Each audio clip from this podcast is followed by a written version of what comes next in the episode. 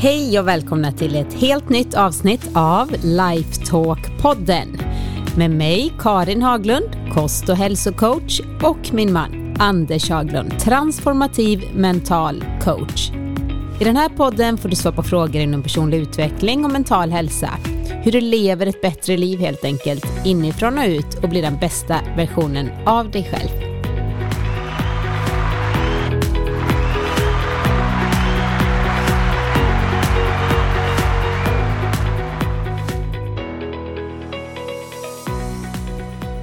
Hej Anders! Hej Karin!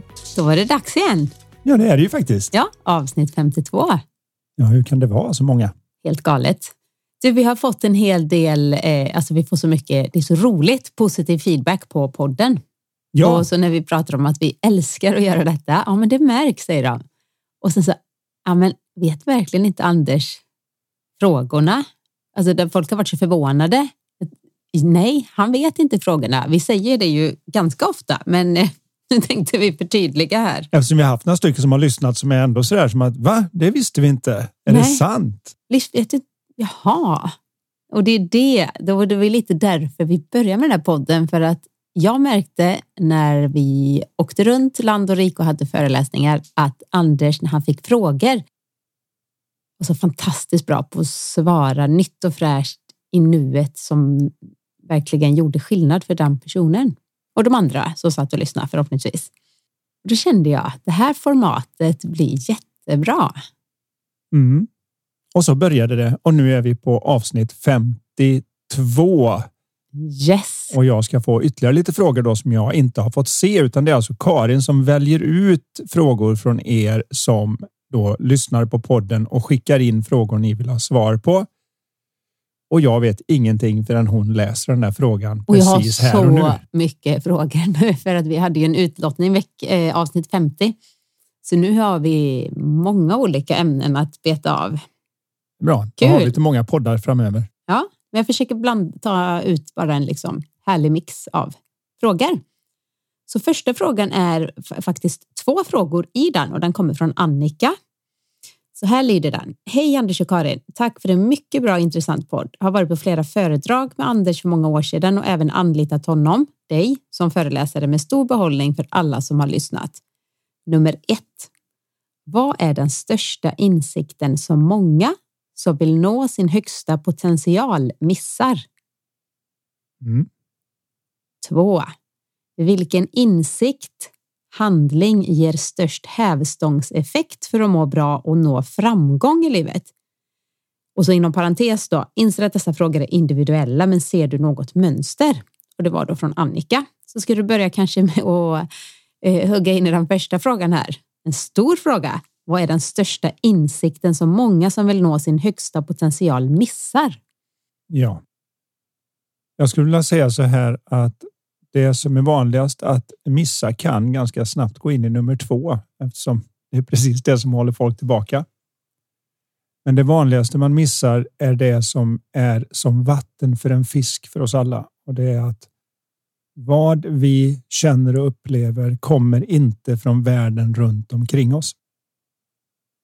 Nu är hjärnan utvecklad för att verka, få det att verka som att det är så, för det är väldigt användbart och har varit i alla tider naturligtvis att det som händer, lejon anfaller mig, adrenalinet sprutar. Hade inte lejonet kommit så hade jag ju inte haft adrenalin som sprutar, alltså måste ju lejonet ha något med det att göra. Så det ser ju ut som en open and shut case och det är därför som då de flesta missar just den insikten, därför att det är så det ser ut. Och min metafor för det där är ju att ända fram till ungefär 600 år sedan så var vi övertygade om att jorden var i mitten. Därför att det är så det ser ut. Alla som någon gång tittat ut på stjärnorna eller sett när solen kommer upp på himlavalvet eller när månen rör sig. Det ser ut som jag är still och så rör himlavalvet på sig. Det ser absolut inte ut som det är vi som snurrar. Det har ju hjärnan kompenserat för så vi kommer ut med en kompensering för det här som gör att snurren så att säga kalibreras om och känns stillastående för annars skulle kännas otroligt snurrigt att gå omkring på planeten. Det kan du göra ibland. Det kan ändå. du göra ändå. Ja. Men den, den kalibreringen gör också att det ser ut som solen går upp och solen går ner fast den faktiskt är vi som snurrar. På samma sätt så är det väldigt, väldigt tydligt för oss att hjärnan känner att nej, nej, nej, nej. Min inre sol går upp och ner beroende på hur världen utanför mig snurrar. Hur vädret är, vad som har hänt på jobbet. Hur mycket som finns på att göra-listan eller hur lite som finns på att göra-listan. Hur folk behandlar mig, hur folk gör olika saker är det som omedelbart gör det. Nu tolkar en del det som då att aha, men om då inte utsidan har något med det att göra, då, då, då kan man må bra vart man vill. Nej, men vi är ju fortfarande gjorda för att göra kopplingen att det har något med det att göra för att vi ska förstå att den personen som slog mig är en typisk person att undvika i framtiden. Det är ju jättebra. Alltså är det bättre att tycka att det var den personen som orsakade hela min upplevelse, fast det inte var det. Så det är användbart evolutionärt och därför har det varit ett vad jag kallar oskyldigt missförstånd att våra omständigheter och situationer och resultat är det som avgör hur vi mår. Men det där faller ju direkt. Man bara tittar ner på barn i Afrika som knappt har något som glittrar i ögonen och så går man ut på Stureplan i Stockholm där folk har den rätta klockan och med de rätta klubbarna och tjänar den rätta mängden pengar och allt vad det nu kan vara. Och så är det mycket dödare i ögonen där. Om det verkligen var omständigheterna som gör det så borde det glittra på Stureplan och vara tomt i ögonen i Afrika. Men så funkar det inte. På samma sätt så borde det vara så att de som är miljardärer och har lyckats med allt det där, ja, de borde då också känna en enorm tillfredsställelse. Men väldigt ofta är det de som känner att vad är det för mening? För att om man nu är övertygad om att det är omständigheterna som ska göra det och så skapar du alla de omständigheterna. Du är en driven person som sätter upp dina mål, skapar allt du behöver och så kommer du dit och så upptäcker du att du fortfarande har dagar när du är nere, när du är deppig. Då finns det inget hopp kvar om det är det som ska vara lösningen. Men rent objektivt kan vi väl säga att det är alltid bättre att ha pengar än att inte ha dem. Även om du vill hjälpa fattiga så är det bästa sättet att hjälpa fattiga att inte bli en av dem. Bästa sättet att hjälpa någon som är deprimerad är ju inte att vara deprimerad själv, utan det är ju genom att vara balanserad och må bra själv så att du kan ge dem ett inspirerande exempel. Det blir tydligare när vi mår bra vad vi verkligen vill göra med vårt liv. Ja. Så även om vi kan vara lyckliga, vad som än, så att säga, vilken situation eller vilket land vi bor i, ja, oavsett omständigheter, så blir det väldigt tydligt när vi mår bra och är så, så mentalt klara att oh, jag älskar det här. Det här vill jag ha mer av i mitt liv. Jag mm. njuter mm. verkligen av när jag gör det här eller och det här gillar jag. Ja, för bara för att det är så att utsidan inte påverkar just din upplevelse och känsla, utan det är ditt egen tankevärld som är kopplad till det. Så tar det ju inte på minsta sätt bort att jag vet vad jag vill. Individuellt har vi vissa preferenser, skulle jag vilja kalla det snarast. Att man vissa föredrar som du till exempel. Om du fick välja att bo vart du vill på planeten så hade du kollat vad, vad är medeltemperaturen? Då så hade du velat att det var mm. ganska varmt för du trivs i värme. Mm. Någon annan hade kanske kollat på snötillgång. Någon annan hade mest kollat på är det i skogen eller ute vid kusten. Det är olika preferenser där naturligtvis. Rent evolutionärt har det alltid varit eftertraktat att vara nära vatten för vatten ger liv. Utan vatten inget liv. Därför är det alltid dyrare med en tomt som är nära vatten. Vi mår ju bra och det är väldigt rogivande att titta ut över havet ja, och sjöar. Och...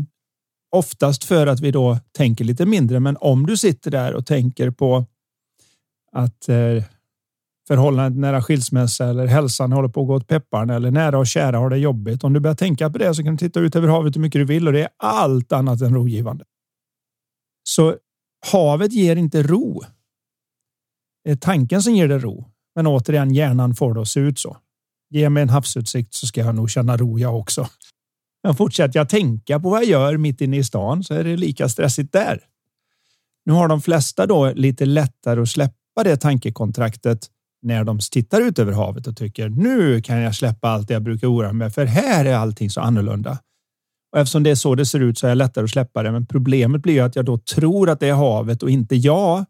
Och då har jag gett bort större delen av min egen power, min egen kraft. Det är nog många som känner igen sig när de åker på semester så har de lättare så att säga att nu slappnar jag av. Det typ sätter sig på, i flygplanstolen eller på tåget eller vad det nu än är. Och så bara, åh, nu men det kan man ju få vart som helst. Och nu när världen ser ut som den gör och man kanske varken har råd eller möjlighet att åka på semester så kan man så att säga ha sin mentala semester precis vart som helst. Ja. Men blir... man kanske föredrar som sagt var sol, värme och en eh, trevlig restaurang eller liksom en pool ja. simma i. Men det behöver inte betyda att du inte kan må som du gör på semestern precis just nu, mitt i vardagen. Och den, bara det att veta att man har sitt eget personliga mentala spa är öppet 24-7 sju dagar i veckan så att säga, alltså hela året om. Att den, att den möjligheten finns att ta en paus. Det är inte alltid det lättaste och enklaste eftersom det ser ju verkligen ut som solen går upp och solen går ner. Och då måste jag ju fixa med solen. Men om vi kan se att det är vi själva som snurrar mentalt och beroende på vad vi har snurrat så ser det olika ut så vill jag påstå att det är den största insikten som man kan få. För att det ger dig möjligheter som den som inte har sett det helt enkelt inte har. Med den, den grundinsikten i med sig. Liksom. Det är inget man kanske behöver påminna sig om precis varje dag. När man bara vet att det är så. Då är det så mycket enklare att nå sin högsta potential för drivet och det kommer liksom från en annan källa. Det är inte den här piskan att jag måste bli framgångsrik för att eller jag, jag behöver nå min högsta potential för då blir jag lycklig. Nej, du kan vara precis lika lycklig utan att nå någon potential. Men i den förståelsen så ska vi säga så, så avtäcker vi ju mer av den potentialen vi verkligen sitter med just nu. Mycket handlar ju om det här med vad som är naturligt och allting i naturen växer på något vis. Det verkar vara livets essens. Ingenting i livet verkar sitta still och säga nu har vi det bra nog. Nu stannar vi här, utan ner på minsta bakterienivå eller virus som ett coronavirus utvecklar sig själv, kommer med nya varianter. För ett virus har ju den där problemet. Ett, jag måste vara så smittsam som möjligt. Smittsam som möjligt innan jag hittar nya världar att bo i så jag kan överleva. Samtidigt får jag inte vara så dödlig att jag dödar den jag lever på. Nej, för då kan man inte smitta vidare. För då, kan du, då, då dör du ut på grund av att alla de du normalt sett kan föröka dig försvann. Och då är, då är ditt liv över också. Så det blir en som en balans att hitta hur är jag så smittsam som möjligt men inte så farlig så att jag tar koll på och den jag behöver bo. Du tänker så här att viruset sitter här nu och filosoferar över, lägger upp en plan. Hur kan jag nå min högsta potential ja. som ett virus? Det är häftigt. Det är häftigt och det gör den utan då den intellektuella förmåga som vi människor har där vi kan då filosofera, analysera och reflektera över de här sakerna. Medan viruset förmodligen bara gör vad den kan. Men det som verkar vara inneboende i själva livskraften det är att det vill driva åt ett än mer effektivt och bra, om vi nu ska kalla det bra håll. Man växer på något vis. Man blir lite bättre än föregående generation. Vi får stå på tidigare generationers axlar. Och vill man då ligga i linje med det så behöver man för att ha den där tillfredsställelsen som många letar efter så kommer den inte helt lättköpt den tillfredsställelsen. Det går att sätta sig och bara vara nöjd. Men efter ett tag så kommer så att säga du få ett tankevirus som kommer att vilja få dig att gå ut och göra någonting som gör att det är bättre. Utveckla dig själv, skaffa ett par magrutor, se om du kan hoppa högre, slå en pingisboll bättre, sköta din business bättre, vara en bättre mamma och pappa. Vad det nu än är för någonting. I den processen av att utvecklas så ligger väldigt mycket av tillfredsställelsen i livet, för det ligger i linje med hur livet fungerar. Mm. För att klara av det så bra som möjligt så är det skönt om man vet hur, hur vi faktiskt fungerar som människor, för då är det lättare att få till det. För då behöver jag inte kämpa så mycket emot vår mänskliga natur. Och eftersom vi nu då, och jag upprepar det här för det är en fundamental princip inom det vi pratar om, är att alla människor lever i upplevelsen och känslan av sina tankar ögonblick till ögonblick och inte i upplevelsen och känslan av sina omständigheter och resultat som tidigare eh, man trott då. Och det gör en jättestor skillnad, för det innebär också att alla människor gör så gott de kan givet det tänkande som ser verkligt ut för dem i stunden. Så har man en, en tanke om att ens kompis eh, har aldrig, aldrig sett så tydligt hur de utnyttjar mig så kommer min känsla vara att jag är utnyttjad. Vilket innebär att även om de kommer och säger en helt ärlig kommentar, hur kan jag hjälpa dig? Så kommer den personen reagera med, vad är du ute efter? Vad vill du? För att de gör så gott de kan givet det tänkande som är verkligt för dem i stunden. Vi lever i den upplevelsen och känslan av det tänkande vi har ögonblick till ögonblick till ögonblick och inte i förhållande till omständigheterna. Det är därför man ibland har ingenting att göra, tycker det är superskönt och ibland har ingenting att göra och tycker det är stressande. Ibland har mycket att göra och tycker det är stimulerande och tiden flyger fram och ibland har mycket att göra och tycker det är fruktansvärt stressigt och jag kommer bränna ut mig jag blir tokig om inte alla bara backar av så jag slipper göra allt det här. Så det här fluktuerar, men det är dolt och där vill jag då påstå är den största dolda grejen. Om vi tar fråga nummer ett då. Ja, och då förstår jag att fråga nummer två är, är lite samma sak. Vilken insekt handling ger störst hävstångseffekt för att må bra och nå framgång i livet? Ja, det var det jag menade, att de två går ihop mer ja. än man kan tro när vi väl pratar principer. Men jag skulle vilja, om vi nu pratar framgång i livet, så är det väldigt svårt att ha framgång individuellt enbart. Även en individuell idrottare behöver andra människor som man tävlar med, snarare än mot, vill jag nog påstå. För att man konspirerar tillsammans för att göra varandra bättre. Så vi ingår alla i ett sammanhang. Och för att då vara framgångsrik i det sammanhanget så vill jag nog påstå att den största insikten man kan ha är att vad är egentligen grundinställningen hos en människa? Om du tittar på vad som pågår med krig, elände och genom åren med mord och du kan hitta allt möjligt konstigt. Folk som beter sig mot barn, taskiga mot gamlingar som förstör och fixar. Då. Du, du har så många exempel på allt det här. Men vad är grundinställningen hos en människa? Och jag vill då påstå att genom alla år som man tittat på de här sakerna och både kyrka och stat och andra har tyckt att nej, nej, nej, grundinställningen den är lite hemsk. Den är i stort sett att vara människa. Det är alla de sju dödssynderna. Man är lat och girig och allt, alla de där sakerna. Bara räkna upp dem. Sån är du innerst inne när du föds. Sen måste vi jobba på att få dig på att vara generös, vilja dela med dig, ha omtanke och så vidare. Annars är du en egoistisk människa innerst inne som egentligen bara tänker på dig själv och du är lat och eländig och vill ha så mycket som möjligt för så lite som möjligt i alla lägen. Och det finns mängder med bevis för att säga, backa upp den idén. Det är bara att titta ut i världen kan man tycka.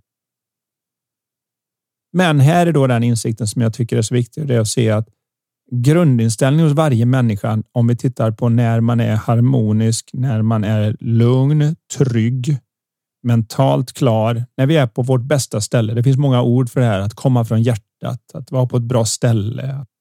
Man skiner, man lyser, man glittrar. Det finns många sätt att uttrycka det på, men alla vet vad det innebär när man är på detta stället.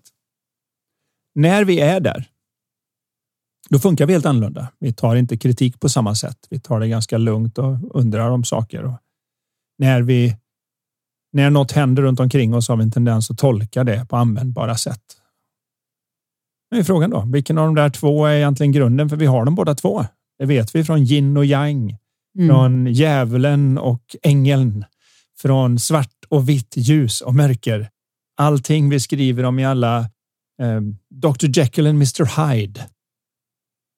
Men det, mm. det, alla har de här två sidorna i sig. Det verkar, det verkar ligga i sakens natur. Det är svårt att ha en framsida utan en baksida. Men vilken av dem är grunden? Vilken är, vilken är jag innerst inne då?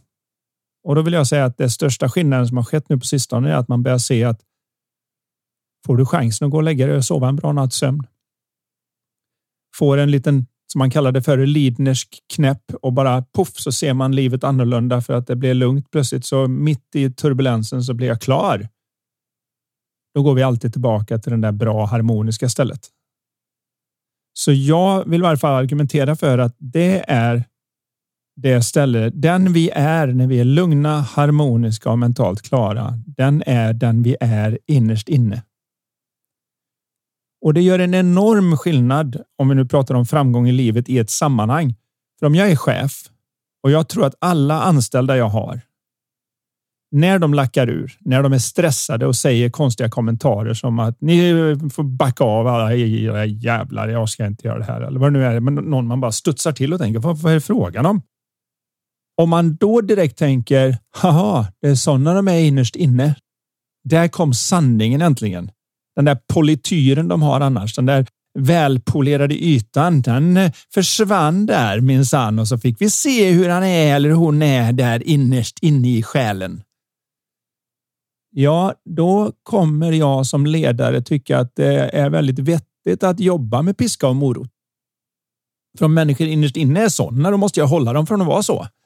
Och hur gör man det? Jo, då får man ju pressa dem och säga gör det här jobbet bra så får du en miljon och gör det dåligt så blir du av med jobbet. Om vi tar det ultimata piska och så. Ja, och då jobbar du med auktoritär styrning och du kommer ha ganska mycket personalomsättning. Du kommer ha folk som bränner ut sig och du kanske då och då kan pressa fram ganska goda resultat om du är duktig på att piska och duktig på att ge morötter.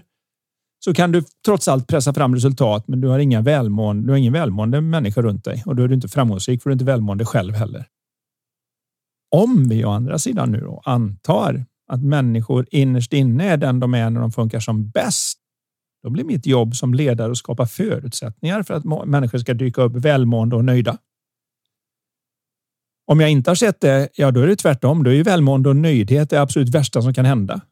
För i den gamla modellen av att vi innerst inne är lata och eländiga, då är det ju så att blir du nöjd, då blir du en fat cat som inte vill göra något.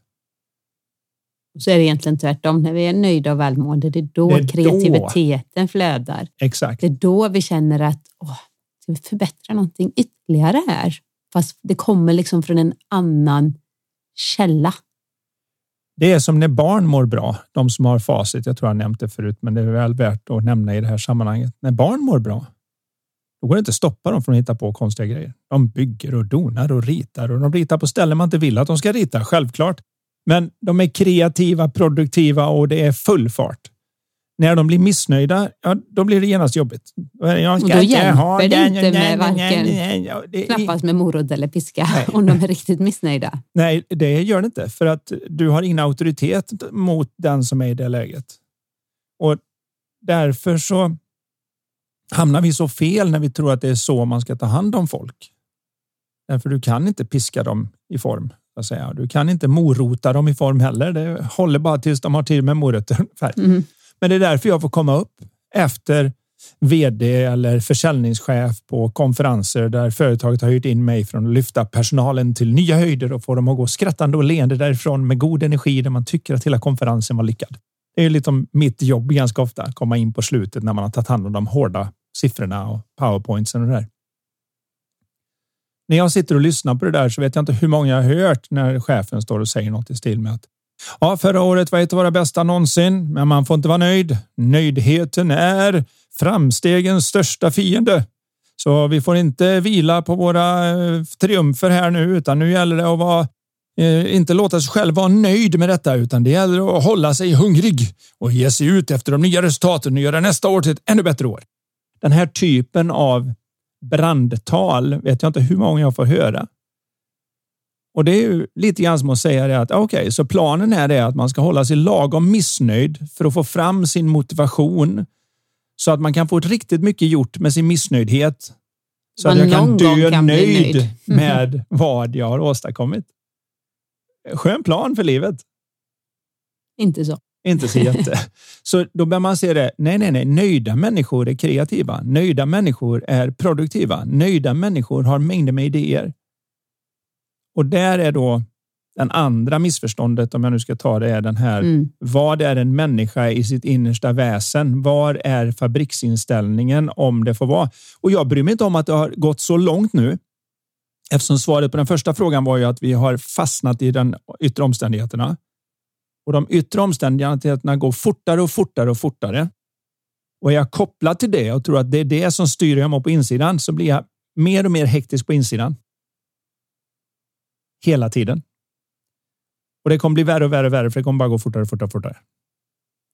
Och har nu du dessutom fått för mig att hur jag är när jag lackar ur, för att det här gör ju att det har blivit normalt att vara ur balans. Och de har korta stunder av mental klarhet. Så det känns ju då som att ja, men jag är oftare ur än i, så det måste ju vara den där som är ur som är det rätta stället. Och det här gör att folk i förhållanden kan ha det fantastiskt tillsammans i tre veckor och så fem minuter gräl så faller allt för det kom sanningen. Så det är just den grundinsikten, grundinställningen gällande människor och hur vi är som ger störst hävstångseffekt när vi förstår att innerst inne är någonting mycket större än vad nästan ord kan förklara. Ja. Det är något godhet liksom. Jag har ju föreläst för eh, ett stort Göteborgsbolag som gör de här eh, konferenserna där jag var ihop med, vilka var vi den gången? Det var väl jag, Tina Turner och vad heter han, Fredrik, heter han som är på På spåret? Ja. ja vad är han heter? Fredrik någonting väl? Man. Ja, i varje fall. Ja, ja. Men det gjorde ju också att när man väl har varit där och föreläst för deras grupper Malmö, Göteborg, Stockholm, 1200 pers varje gång eller vad det kan vara. Så får man också komma och lyssna lite på senare, de som kommer. Då vet jag det var en gång när de tog in Richard Branson och jag tänkte det måste man åka och titta på. Nu var ju inte han en sån som ska föreläsa riktigt, utan han fick sitta och bli intervjuad. Det var hans sätt att bidra med. Och Richard Branson då, han sa ju det när han fick frågan vad är hans viktigaste ledarskapstips? Då sa han det att man kan inte vara en riktigt bra ledare om man inte älskar människor. När jag hörde det så slog det ner lite som en bomb i mitt sinne, för då insåg jag ju det att nästan alla kan ju gilla de närmaste. Vi har idéer om jag kan gilla min brorsa och jag gillar min fru, man, eh, mamma, pappa. Man har en snäv sfär av människor som man älskar och tycker om kanske. Kanske några i fotbollslaget eller några på jobbet, men ganska snävt. Men det gör också att du är ganska snäv på hur många du kan samarbeta med. Men om du börjar expandera den sfären av vilka människor du gillar till att den blir mer global, som att jag gillar människor i allmänhet. Vilket är lättare om man ser att som de är när de är som bäst är hur de är innerst inne. Då blir det lättare att gilla dem än om mm. man tror att nej, som de är när de är som sämst är hur de är innerst inne. Då blir man ju rädd för alla och tänker jag vågar inte komma nära någon för rätt vad det är så bara de tappar det och så kommer deras riktiga jag ut och sårar mig. Det är ju en fruktansvärd värld att leva i. Men och kan du då expandera den till hela mänskligheten, då är det klart, då kan du ha ett stort företag som Virgin eller Apple eller någonstans för att du kan se det goda i samtliga människor och gilla dem. För om du inte gillar människor är det svårt att leda dem. För då ser du dem mer som boskap som ska fösas omkring och i en riktning som passar för man ska tjäna pengar. Och det är ju ingen hållbar variant. Så att det är väl de två. Väldigt bra förklarat. Superbra. Eh, då tar vi fråga nummer två. Hej poddvänner och tack för en fantastisk och inspirerande podd. En frågeställning, utmaning som jag väldigt ofta ställs inför är att jag alltid, stora bokstäver, går in i ett tröstätande ältande när jag tycker synd om mig själv. Det vill säga när livet frestar på och jag är trött och till detta hör att jag lever i en pusselfamilj med barn med ADHD-diagnos. Tränar själv väldigt mycket konditionsidrott och brinner för min löpning som är min livsventil meditation och till stor del sociala samvaro med klubbkompisar. Märker att det händer väldigt ofta på kvällstid då jag typ inte kan få bort tankar på att äta ur mitt huvud hur mycket jag än försöker. Detta föranleder till mycket ångest över överätande och ibland då även till övertränande morgonen efter för att bli kvitt det extra intaget. Det skulle vara intressant att höra era kloka tankar kring denna problematik. Vad kan man göra åt det? Konkreta tips och tricks typ gå och borsta tänderna för att inte det där kilot lösgodis ska smaka bra. Jag ser, jag ser fram emot att höra framtida avsnitt och fortsätt, fortsätt med ert fina arbete. Hälsningar från Fredrik. Jättebra fråga. Mm. Nu skrattar vi här med ett kilo, men jag tror att det är nog som många kan få i sig, Anders. Ja, ja jag kan säga så här att jag kamperade ute på eh, golftouren ihop med en kille som varenda natt vaknade för att äta en ganska stor godispåse. Alltså mitt i natten? Mitt i natten. Tre, ja. fyra på natten så hörde, vaknade man av att det prasslade någonstans. Då visste man, då satt han och mumsade godis mitt i natten. Och en gång så hade han ställt det på fel nattduksbord. Du vet, så det, man ligger och sover och så kommer det en mansarm smygande över bröstet och det lägger sig någon nästan över den för att komma åt godis på sidor. Så man tänker herregud, nej, nej, jag gillar dig, men inte på det sättet. och så inser man att det här var inte mitt godis han ville åt i alla fall. Eh, oavsett ja. så kan man alltså hamna i de här sakerna och det finns så många olika detaljer på det här att gå in på. För det finns. Det är en komplex fråga naturligtvis. En komplex men rent, fråga, men, men den rent mentala kan jag direkt svara på. Och vad det gäller tips och tricks så kan jag ge kanske den bästa förståelse man kan ha för det här och det är det att det går aldrig träna sig ur en dålig kost. Och vad jag menar med det är att om ni någon gång har stått på ett löparband och sprungit och det här löparbandet visar antalet brunna kalorier, förbrända kalorier, så märker du det att när du har stått där i 40 minuter så har du råd att äta en åttondel Snickers ungefär. det är vad du Nej, har. det vet ja, jag det inte. Är, men, det är ja. väldigt lite du bränner på lång, i förhållande. Du behöver inte äta. Om man ska mäta, det är inte så det fungerar. För Nej. när du tränar får du en bättre förbränning. Allting fungerar bättre ja, i kroppen. Så men, jag, jag säger eh, ingenting om att man inte ska träna. Jag säger bara det att om du försöker träna dig ur ett kilo godis, då har du mycket springa efteråt. Mm ett kilo godis är säkert att du måste ut och springa Men det är ju just, och det är, då, det är just det den här personen vet egentligen. Då, mm. Det blir en ångest över att nej, jag har ätit allt det här fast jag vet att jag inte borde. Och där, det är klart att ja, jag har aldrig tänkt tanken om det är klart gå borsta tänderna. Visst, men jag tänker om man nu vill ha tips och tricks, se till att det inte finns godis hemma. För just nu verkar du vara känslig åt det sockriga hållet. Det är någonting som triggar dig och det är väldigt lätt att bli triggad av socker och då får du en tillfällig lättnad, alltså fysiskt för att det här suget.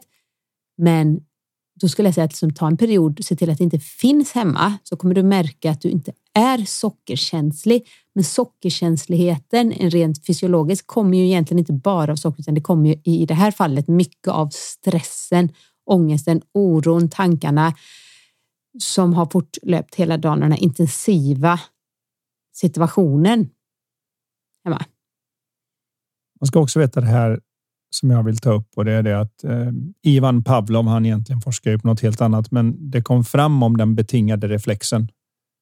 Ni som undrar vad den betingade reflexen är så är det bara det att om man konstant och kontinuerligt har ett visst stimuli som hör ihop med en viss känsla eller beteende då kommer man till slut att bara kunna göra stimulit så utlöser man det andra.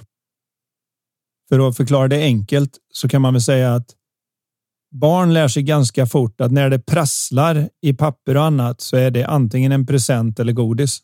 Som eller som när jag var hemma hos min pappa och de har hund. Så sa han, titta nu på Bille.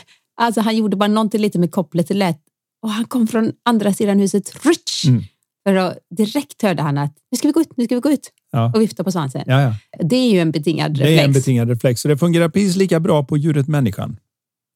Så har man lärt sig nu att eh, prassel hör ihop med godis eller present, så när det prasslar så vet du inte vad barnen är, så prassla i lite papper så dyker de upp lika fort som den här hunden gjorde.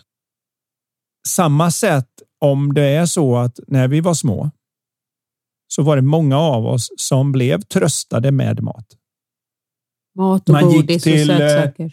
När man gick till eh, läkaren och så tog man en spruta och så blev man lite ledsen för det är inte skönt oavsett om man är rädd för spruta eller inte så är det ju ändå ett litet stick. Liksom.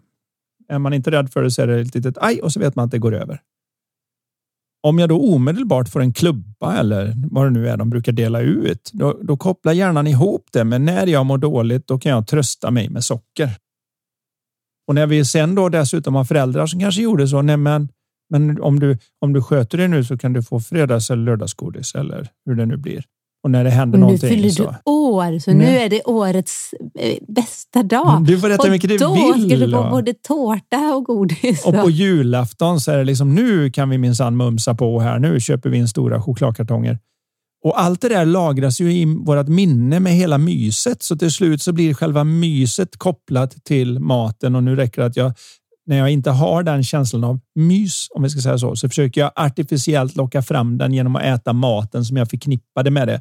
Och det är oftast då inte mat, utan det är godis, glass och mm. annat. Och just det här när man äter, det är en sak att ja, om man nu då gillar godis för smakens skull, men när det blir ett kilo godis så är det ju för att vi vill döva någonting. Precis som när vi köper mera, alltså sitter och shoppar och beställer hem jättemånga, typ fem. Om jag hade köpt fem klänningar nu om vi ska på fest, bara för att jag Alltså då blir det, det är som ett missbruk, man vill döva någonting. Man försöker shoppa sig ur en viss känsla, man försöker äta sig ur och bedöva sig själv. Så allting, när det går liksom lite överstyr, och det mm. vet ju den här Fredrik när han skickade in frågan att ja, men jag sitter lite fast i det. Och det är ju jättebra att man har reflektionen, att man ser det. Men jag tycker det bara på den här äh, frågan hör mig liksom att det är mycket stress och det är där alltså att hitta tiden för att landa lite, andas, djupandning, se över sin vardag, sitt liv och se. Jag förstår absolut hela den här grejen med hur livet kan vara så enormt påfrestande. Att se vart kan jag hitta mina så att säga andningshål och ta hand om sig själv. Det är väldigt sällan, har man inte fått det på hela dagen och det blir kväll, då är det lite för, jag ska inte säga för sent, men det är så himla bra att få det innan det så att säga, man kör över sig själv.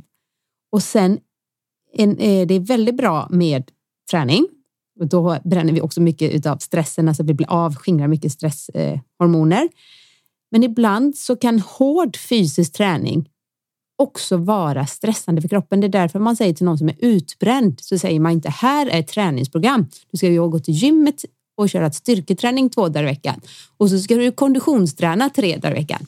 Nej, det gör man inte för att man behöver återhämtningen och en, en träning som inte stressar på nervsystemet. Så kanske, nu kanske den här personen springer i skogen, men bara det genom att man springer i skogen. Eller kanske varva med promenader eller våga lyssna lite mer inåt, våga känna in kroppens dagsform. Meditationen, jätte, jättebra. Eh, och sen så ofta när jag har eh, klienter som har just liksom sockersug, överätning, alltså det som problematik på dagtid. Och också hur vi äter. Man kanske har slängt i sig lunchen. Och då menar du inte att har... man ska äta det där kilot med godis på dagen, utan du menar att man ska något bra ja, förmodar jag. mycket näring, det. precis. Det är näringen. När vi är, alltså jag äter ofta min sista måltid vid mellan fyra och halv sex. Mm, alltså, du är jag har inget, där i din... Nej, men jag har, sen går jag upp tidigt och så här, men jag är så nöjd och då ska ni veta att jag mina första 20, 20 år i alla fall var väldigt förkärlek till godis, till liksom socker, till eh, kickar, liksom att åh, en kvällsmacka, kolhydrater. Alltså liksom, jag gillade verkligen det. Hade jag fått mycket mer näring och riktig mat, alltså liksom mycket grönsaker och näring och fibrer och frukt och bär och så, så hade jag antagligen inte lika sugen. haft det. Nej, och sen är det ju också grejen att när man inte äter alls, som nu Fredrik inte äter godis alls på ett tag, så kommer han märka att det ändrar ju bakteriefloran så man får inte samma sug. Nej. Så det är ju ett väldigt enkelt tips och trix. Man, man har inte godis hemma. Eh, då är det bättre om man absolut är fysiskt hungrig på kvällen eller någonting. Då finns det ju många andra bättre alternativ. Ja, och ett av dem som är en bra övergångsgrej är ju frukt eftersom det är ganska sött fortfarande. Så det ger lite av samma grej, men ändå är det ett bättre alternativ. Man kan ju köpa som vi brukar göra såna här medjool-dadlar som är de här lite större färska dadlarna. De är fantastiskt goda. De kan man ha i frysen. Men de är heller inte bra att köpa ett kilo av, men det gör man nog inte. Men man överäter inte. Så det är så mycket fibrer och faktiskt en, lite näring, även om det är väldigt sött. Men så kan man stoppa lite nöt, alltså typ tahini eller nötsmör i det. Stoppa in dem i frysen och doppa dem i mörk choklad. Mm. Överätter inte typ så här råfotbollar och sånt på samma sätt, men återigen, det här är ett steg efter förståelsen att överätning handlar inte om den faktiska, om det finns godis inte eller inte hemma och om dadlar är bättre, utan det handlar om den mentala aspekten ja. som gör att man måste se beteendet. Är, här är om man backar lite grann till förståelsen som är då om vi går tillbaka till den första frågan i viss mån. Det är det här att eftersom vi nu lever i känslan, upplevelsen och våra tankar så vet vi också det att när vi får problem så kommer vi alltid ha de problemen med det som vi tänker mest på. Repetitiva tankar om och om igen. Det som vi oftast tänker på. Det, är alltså, det som har störst impact på våra liv är inte vad vi tänker på. Det är vad vi tänker på om och om igen och tar på allvar. Och vi kommer inte ur den så att säga. De flesta människor har de här repetitiva sakerna och de dyker upp när de inte gör annat. Så vi har den här personen som låter som de ändå är drivna, jobbar på och gör andra saker. När kommer de att få problem? Jo, det första om vi tar då, vad får man problem med? Det vi tänker allra mest på, oavsett hur vi tycker att vi är så fina människor, så tänker vi på oss själva mest. Så vi kommer ha mest problem med oss. Därefter kommer vi ha absolut mest problem med de absolut närmaste, de som är där jämt. Våra partners, våra barn, de som vi tänker på mest kommer vi ha mest problem med. Vi kommer ha minimalt med problem med quinoaodlarna i Peru. Om vi inte tänker på dem dagligen och hur vårat quinoa-beroende för alla som nu ska äta hälsosammare har gjort att deras tidigare väldigt billiga potatis numera är dyr och de inte kan äta de fattiga människorna i Peru. Då kan man börja få problem när man tänker på det. Då får jag ju ångest när jag ska göra min quinoa. Nej, ja. det behöver jag inte få. Ja, men det har ändrat på hela den ekonomiska att, strukturen för dem tack vare att det då är så att vi, det, alla företag där vill exportera det till en dyrare penning till så oss. Så det är bra som jag förespråkar att hitta variationen där så man kan köra lite dörrar, man kan köra hisch. Man har alltså störst problem med det man tänker på oftast. Och har jag då en dag där jag är ockuperad, jag jobbar hårt, jag kör loss och sen plötsligt så går barnen och lägger sig och man har dem. Man sätter sig ner och ah, och vad händer nu? Jo, jag är ensam med mina tankar. Och om de tankarna när de får löpa fritt inte löper i en vidare bra riktning så kommer jag ha en jobbig känsla. Och har någonstans på vägen då fått en liten sån betingning där det känns som att jag kan äta mig ur den känslan nu mår man gött, eh, tänker man när man har ätit lite. Då är det lätt att känna att äh, nu mår jag inte riktigt bra här när jag sitter med mina tankar. Nu snurrar det lite grann här. Jag går och äter något för att förströ mig med det då istället för kanske de där åtta, nio timmarna på jobbet där jag inte behövde tänka på mat för jag hade annat att göra. Jag var inte ensam med mina tankar och eftersom jag inte tänker på dem så har jag inte problem med dem för jag kan bara ha problem med det jag tänker på mest. Så därför är det många som har det problemet på kvällen just när de blir ensamma med sina tankar.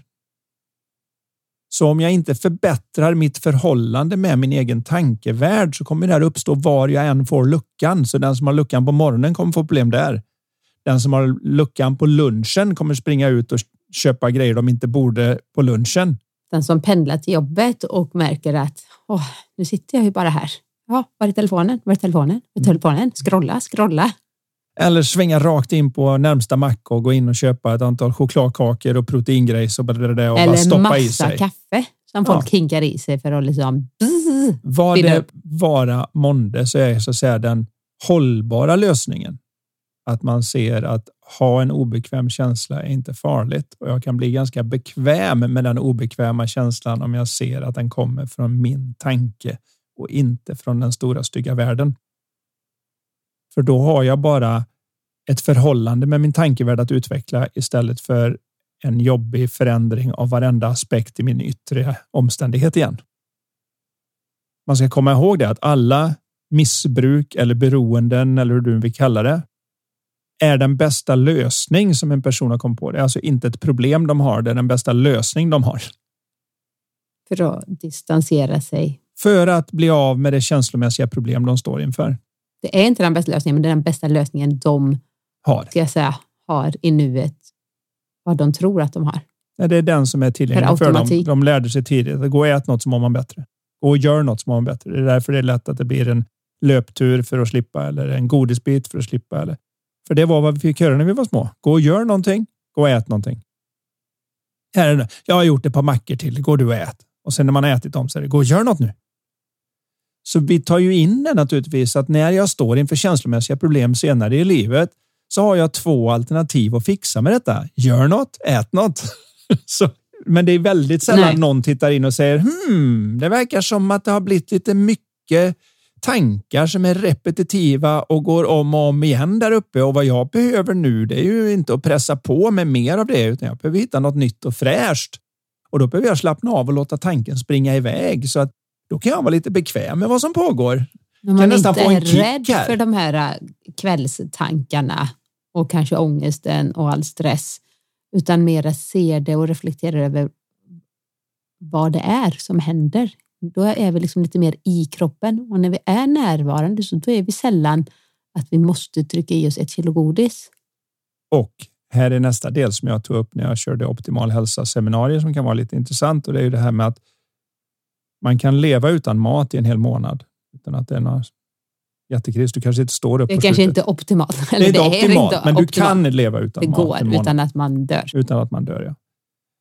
Utan vatten i normala omständigheter max en vecka.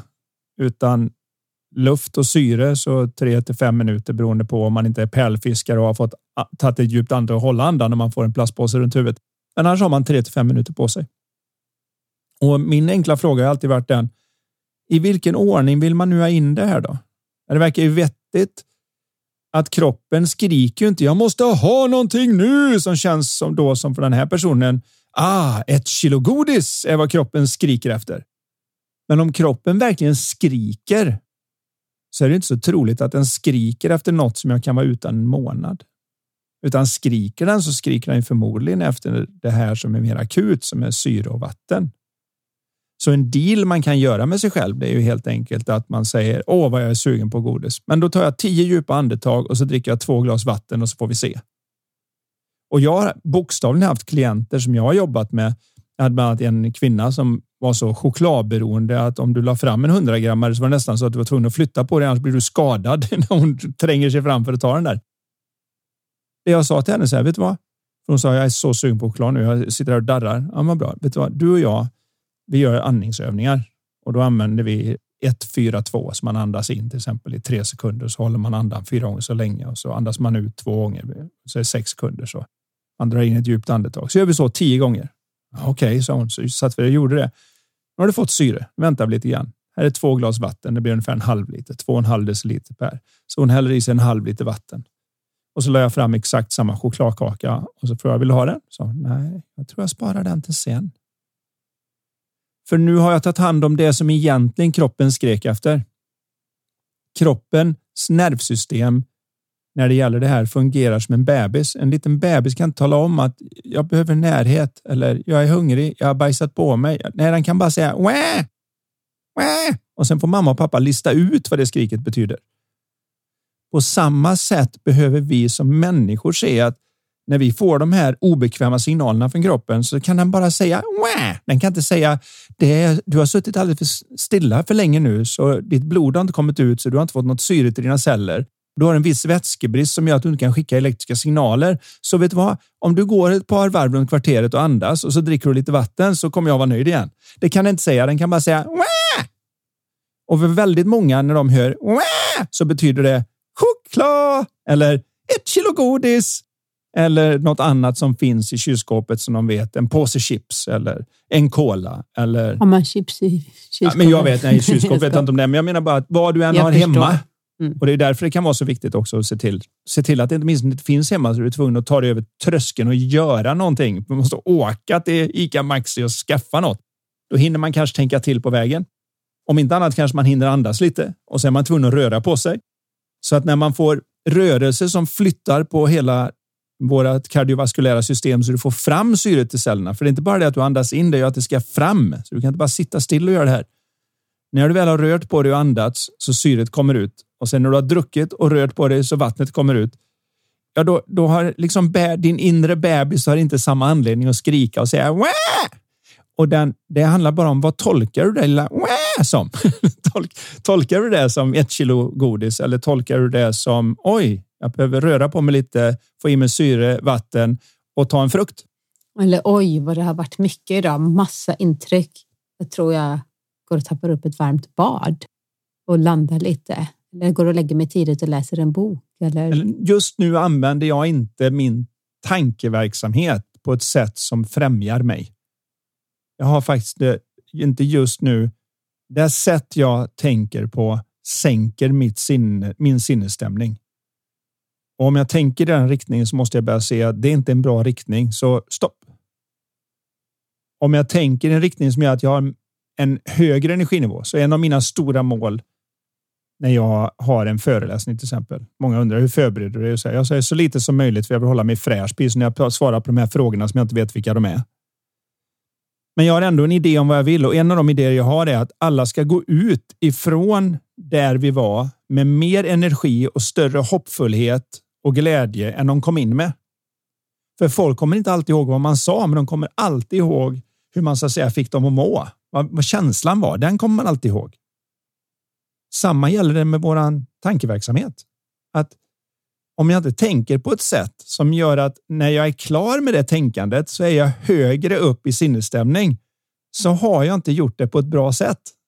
Men ändå är det helt okej, okay, för det finns ingen som går runt och tänker så att säga bra hela tiden. Nej. Och vi behöver ju tillgång till alla våra känslor. Men när vi inte slutar vara rädda för den här äh, obehagskänslan som vi alla har titt som tätt, utan mer ser det som en liten feedback från kroppen att alltså idag har det varit mycket och är okej okay med det. Våga känna in mera och det är samma dagen efter. Vi säger nu att man faller dit och äter det godiset eller någonting annat istället för att gå ut och köra den här ångestträningen dagen efter. Den är ju inte så njutningsfull. Så det är liksom att sparka på sig själv ännu mer och det skapar bara ännu mer stress. Och det är ju stressen som i någon fall och det är liksom, som har skapat det, överätningen från början. Att man kanske byter ut det till lite liksom mera reflektion och känner, varje morgon när jag vaknar så känner jag in, jag har en plan om jag ska yoga eller styrketräna och så här, men så känner jag in och anpassar efter hur känns min kropp idag? Hur mår jag? Vad den behöver jag just nu? Den medvetenheten, ja. Istället är lite för att, svår att komma till för den som inte har den. Men man måste börja någonstans ja. att se åt det hållet, att börja känna efter. Och det är det jag märker när jag coachar människor. Det är så få som känner in, känner efter utan bara kör på och då blir det ytterligare en form av stress. Istället för självkärlek så blir det liksom lite självsabotage. Det är alltid bra att träna, men ett sånt träningspass är liksom, ja, jag vet inte. Jag tror det är värre än att inte göra det. Ja. Sitta och meditera istället och känna efter. Eller ta en skön promenad istället för att köra för den här drivna extra där man sista två kilometerna springer så man får blodsmak för att man riktigt tänker att man ska nästan straffa sig själv. För att det här ska man aldrig fel. hända igen. Nu ska det... du få. Och där skulle jag vilja säga då är den tredje frågan egentligen som inte ens ställdes i början. Att ett av de missförstånd vi har Eh, som oftast går ut i oss är att vi tror att vi kan straffa oss in i ett bättre beteende genom att vara hårdare och hårdare och hårdare. Om jag bara är hård nog mot mig själv ska jag väl äntligen fatta.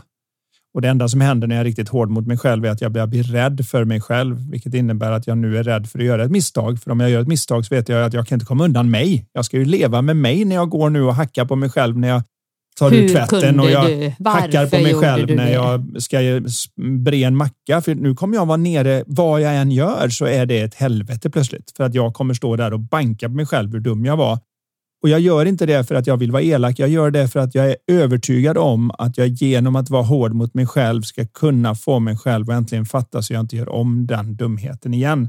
Och det enda jag får genom att göra det är att jag får så att säga prestationsångest i förväg, för jag vet att så jag kommer börja sluta ta mig an saker, för jag vill inte, för om det går fel så kommer jag ju att vara jättetuff mot mig. Och det är därför som det är så mycket bättre att vara uppmuntrande, inspirerande och se till att vi människor innerst inne faktiskt är som vi är när vi är i balans och inte som vi är när vårt sämsta jag kommer fram. För det gör att vi alla går och misstänker att jag är nog eländig innerst inne. Hoppas ingen får reda på det. Och det är det som gör att så många av de även framgångsrika klienter jag har har vad man kallar imposter syndrome, där man är så övertygad om att snart kommer det här kommer inte hålla för de kommer få reda på att jag är ju bara jag. Jag är ju inte så här märkvärdig som det kan verka. Eh, jag är inte alls bra nog för att klara av det här. Herregud, varför tackar jag till detta?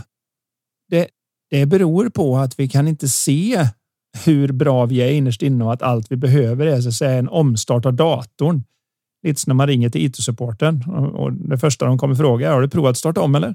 Mm.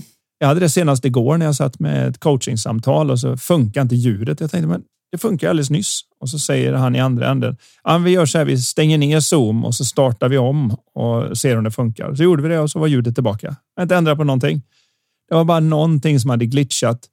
Och i viss mån så är vi sådana i vårt nervsystem också. Att ibland är allt som behövs en liten omstart och så mm. är, vi, är vi där igen. Liksom. Det, och, och den omstarten kan ju även vara när man ber om förlåtelse när det blir fel. Så man säger du, det där blev inte alls bra mellan oss. Det var usch, jag mår jättedåligt över det här hur det blev jag vill gärna börja om. Och så kommer den andra och säger, det gör jag gärna också. Och så är man tillbaka igen. Mm, och då går det liksom puff. Då säger det så puff det... för att närmare igen och bekvämare. Ja jag tycker vi tar, jag hoppas att du fick med dig mycket av det här Fredrik och alla ni andra som också känner att ni sitter fast i någon form av destruktivt, kanske ätbeteende eller någon annan vana. Men eh, vi tänkte vi skulle hinna med en fråga till så här på slutet. Hej, jag skulle vilja veta att ni vilja att ni tar upp hur man går vidare när ett förhållande tagit slut om man inte själv önskar det. Hur kan man tänka för att se framåt och släppa taget? Tack för en bra podd och detta är från Ann. Mm. Ja, det vet vi väl alla om, eller kanske inte alla, men de flesta har någon gång fått gå igenom det här. Eh, att man kanske är den som inte ville lämna och den andra vill det. Jobbig känsla. Det är ju så att säga olyckligt kär. Och värre då när man har fått ha förhållandet kanske än när man bara olyckligt kär och den andra inte ens vet att du existerar. Det är jobbigt nog, men när man väl har levt ihop med någon så är det ju liksom, då vet man vad man hade dessutom. Om man nu tyckte det var underbart men den andra inte tyckte det. Tyvärr är ju det så här att det ligger väldigt mycket sanning i att tiden läker alla sår. Man har en viss sorgeprocess som nästan alla människor går igenom. Men om man bara kan åtminstone förstå för att när man är i det så känns det som det aldrig kommer gå över. Bara den här förståelsen för nu när vi går in i höst och vintertid att spelar ingen roll hur tuff den här vintern blir. Det spelar ingen roll hur kall den blir. Det spelar ingen roll, jo det gör det i viss mån kan man tycka, det beror på hur mycket pengar man har på banken, men hur illa det blir med elpriser och annat och Putin som stänger av och jag vet inte allt. Det kan drabba en hårt, men det blir vår. Det blir vår. Det, det kommer sommar. gå tillbaka till mer normala priser så att säga. Det kan vara ett elände, det kan vara jobbigt, men det kommer en vår. Hur lång och mörk en natt än är så blir det morgon. Solen kommer tillbaka. Och den filosofiska stansen kan vara nästan bokstavligen livräddande ibland i de mörkaste tillfällen. Jag kommer ihåg, eh, eftersom jag gillade Robin Williams, komiker som hängde sig i sitt hus i Malibu. Att man just för tillfället tänkte jag verkligen det som coach att oj vad jag skulle vara där, där på natten och bara sagt det att du, jag sätter 10 000 dollar på att du inte kommer må så här klockan 12 imorgon. Sätter du emot? Och så bara för att jäklas med en så kanske han har sagt ha, det ska du veta att det, mitt liv är så jäkligt så det kommer inte vara någon skillnad klockan 12. och jag vet ju redan att man har vunnit, att man kommer vinna det bettet. Men jag har suttit med en som var deprimerad i, i en session där jag sa det att jag sätter, sätter tusen spänn på att du inte kan hålla dig deprimerad. Hon påstår att hon hade varit deprimerad i sex Kronisk år. Kronisk depression i sex år. Och så fort jag sa det så gjorde hon, log hon så här. och så jätteglad ut. Det glittrade till hennes ögon alltihopa. För hon var så säker på att det bettet där, det ska du veta. Efter sex års depression så ska du veta att hålla min depression uppe, det kan jag. Så de tusen spännen har med i min ficka redan. Så hon tittade på mig och sa, ha, det blir lätt. Jag sa, jag har redan vunnit. Vad menar du? Nej, du var supernöjd och glad nu när du tänkte på hur, hur lätt du skulle vinna det här bettet. Jag såg hur det glittrade i dina ögon och ett leende spred sig över ditt ansikte, så du har redan förlorat. Du klarar inte ens av att hålla det medan du svarar frågan. Vad, vad hände då? Och då sa, de satt där och så såg man hon liksom var på väg att börja argumentera tillbaka och så satt hon så här. Så, det har du rätt Ja, jag sa det. Det är inte så konstant som du tror att det är. När du tänker på det känns det konstant, men i verkligheten så fluktuerar det ganska vilt. Det är bara att när du mår bra och tänker tillbaka på det så tror du att du levde i förnekelse och att det inte var på riktigt. Då är vi de, de till mörka frågan. stunderna sköljer liksom över ja. ljusa stunderna. Och det, ja, de tar över därför att man tror att det är det som jag är innerst inne. Alltså det här ledsna jag har då när någon har lämnat mig till exempel i ett förhållande. De ledsna stunderna är de som är på riktigt och de glada stunderna då lever jag i förnekelse över hur illa det är. Istället för att säga att nej, de, de glada stunderna så är jag i mitt esse, alltså i, i så här pratar man om det i gammal psykologi, att vara i sitt esse när man är i linje med hela sin själ så att säga.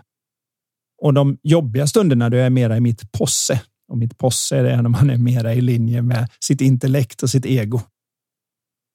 Det här är ju någonting som om man kan se det då och kanske till och med få en så pass filosofisk stans att man ser att jag vill faktiskt inte vara med någon som inte vill vara med mig. Jag är värd mer än detta. Och kanske kan jag till och med komma så långt att jag börjar istället för att se att den andra personen förstör för mig eller kan göra mig glad genom att komma tillbaka.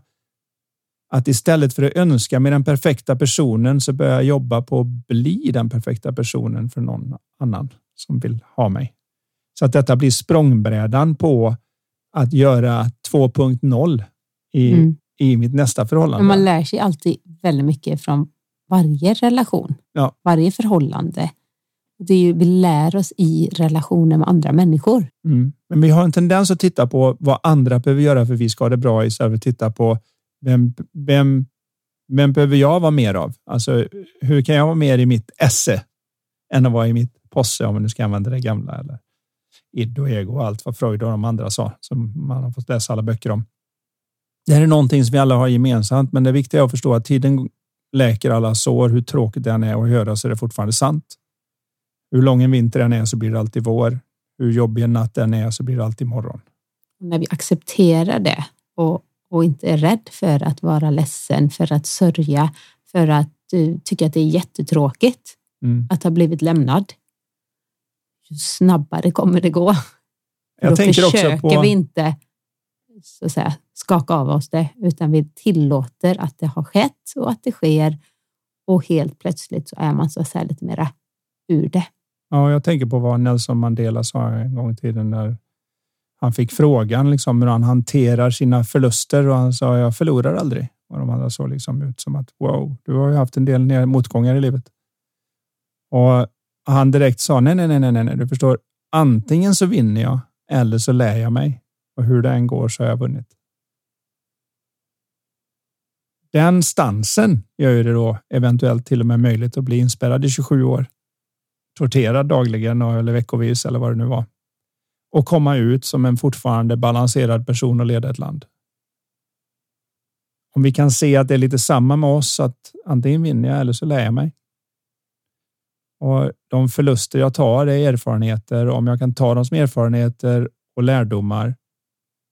Så investera kom, i nästa så, så kan jag investera det in i min egen framtid där jag kan vara mer av den person som andra vill vara med snarare än att försöka hitta en som vill vara med mig. Det, det är en annanstans som mm. jag hoppas att det kan göra någonting för. Väldigt bra fråga. Mm. Tufft när man går igenom det. Mm. Så massa styrkekramar till dig. Det är ingen quick fix.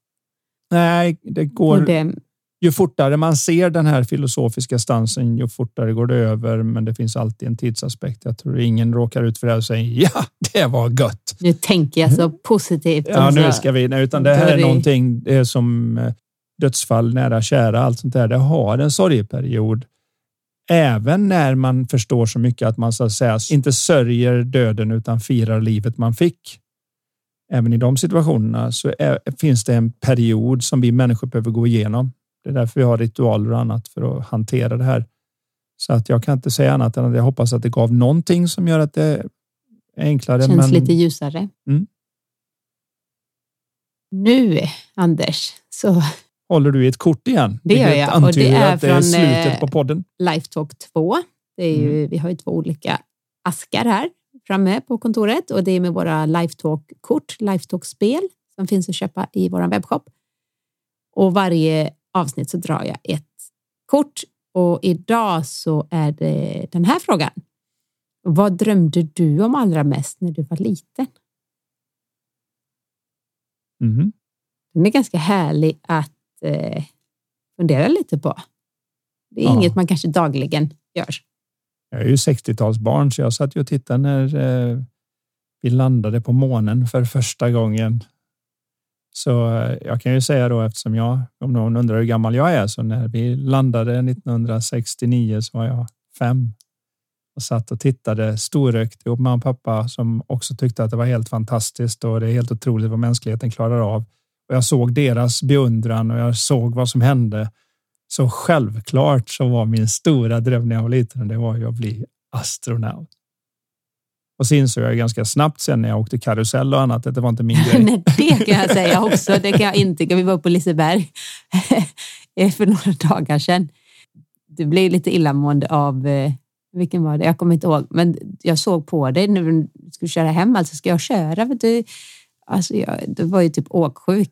Det var ju när sonen lurade med mig på den här stora loket som både snurrar och gungar. Då känner ja. jag mig lite sjösjuk. Jag har inga problem att åka Helix och Valkyria, Valkyria. och alla de där svå, jättestora berg Av någon anledning så är det inga problem för mig. Men när det snurrar och gungar, då känner jag mig ungefär som när man är på någon båt. Det älskar jag. Det, och det gillar du och ja, gillar ja. inte det andra. Så det visar ju olika. Nej, fast jag åkte ändå. Men jag insåg ju då när man är känslig för det att astronaut ja. hade ju inte varit det bästa man någonsin hade Nej, råkat ut för. Då är det bättre att sitta stilla här och podda. Precis. Men tack så jättemycket för idag. Tack alla ni som har lyssnat. Fortsätt skicka in era frågor och ni är bäst. Hej då! Hej!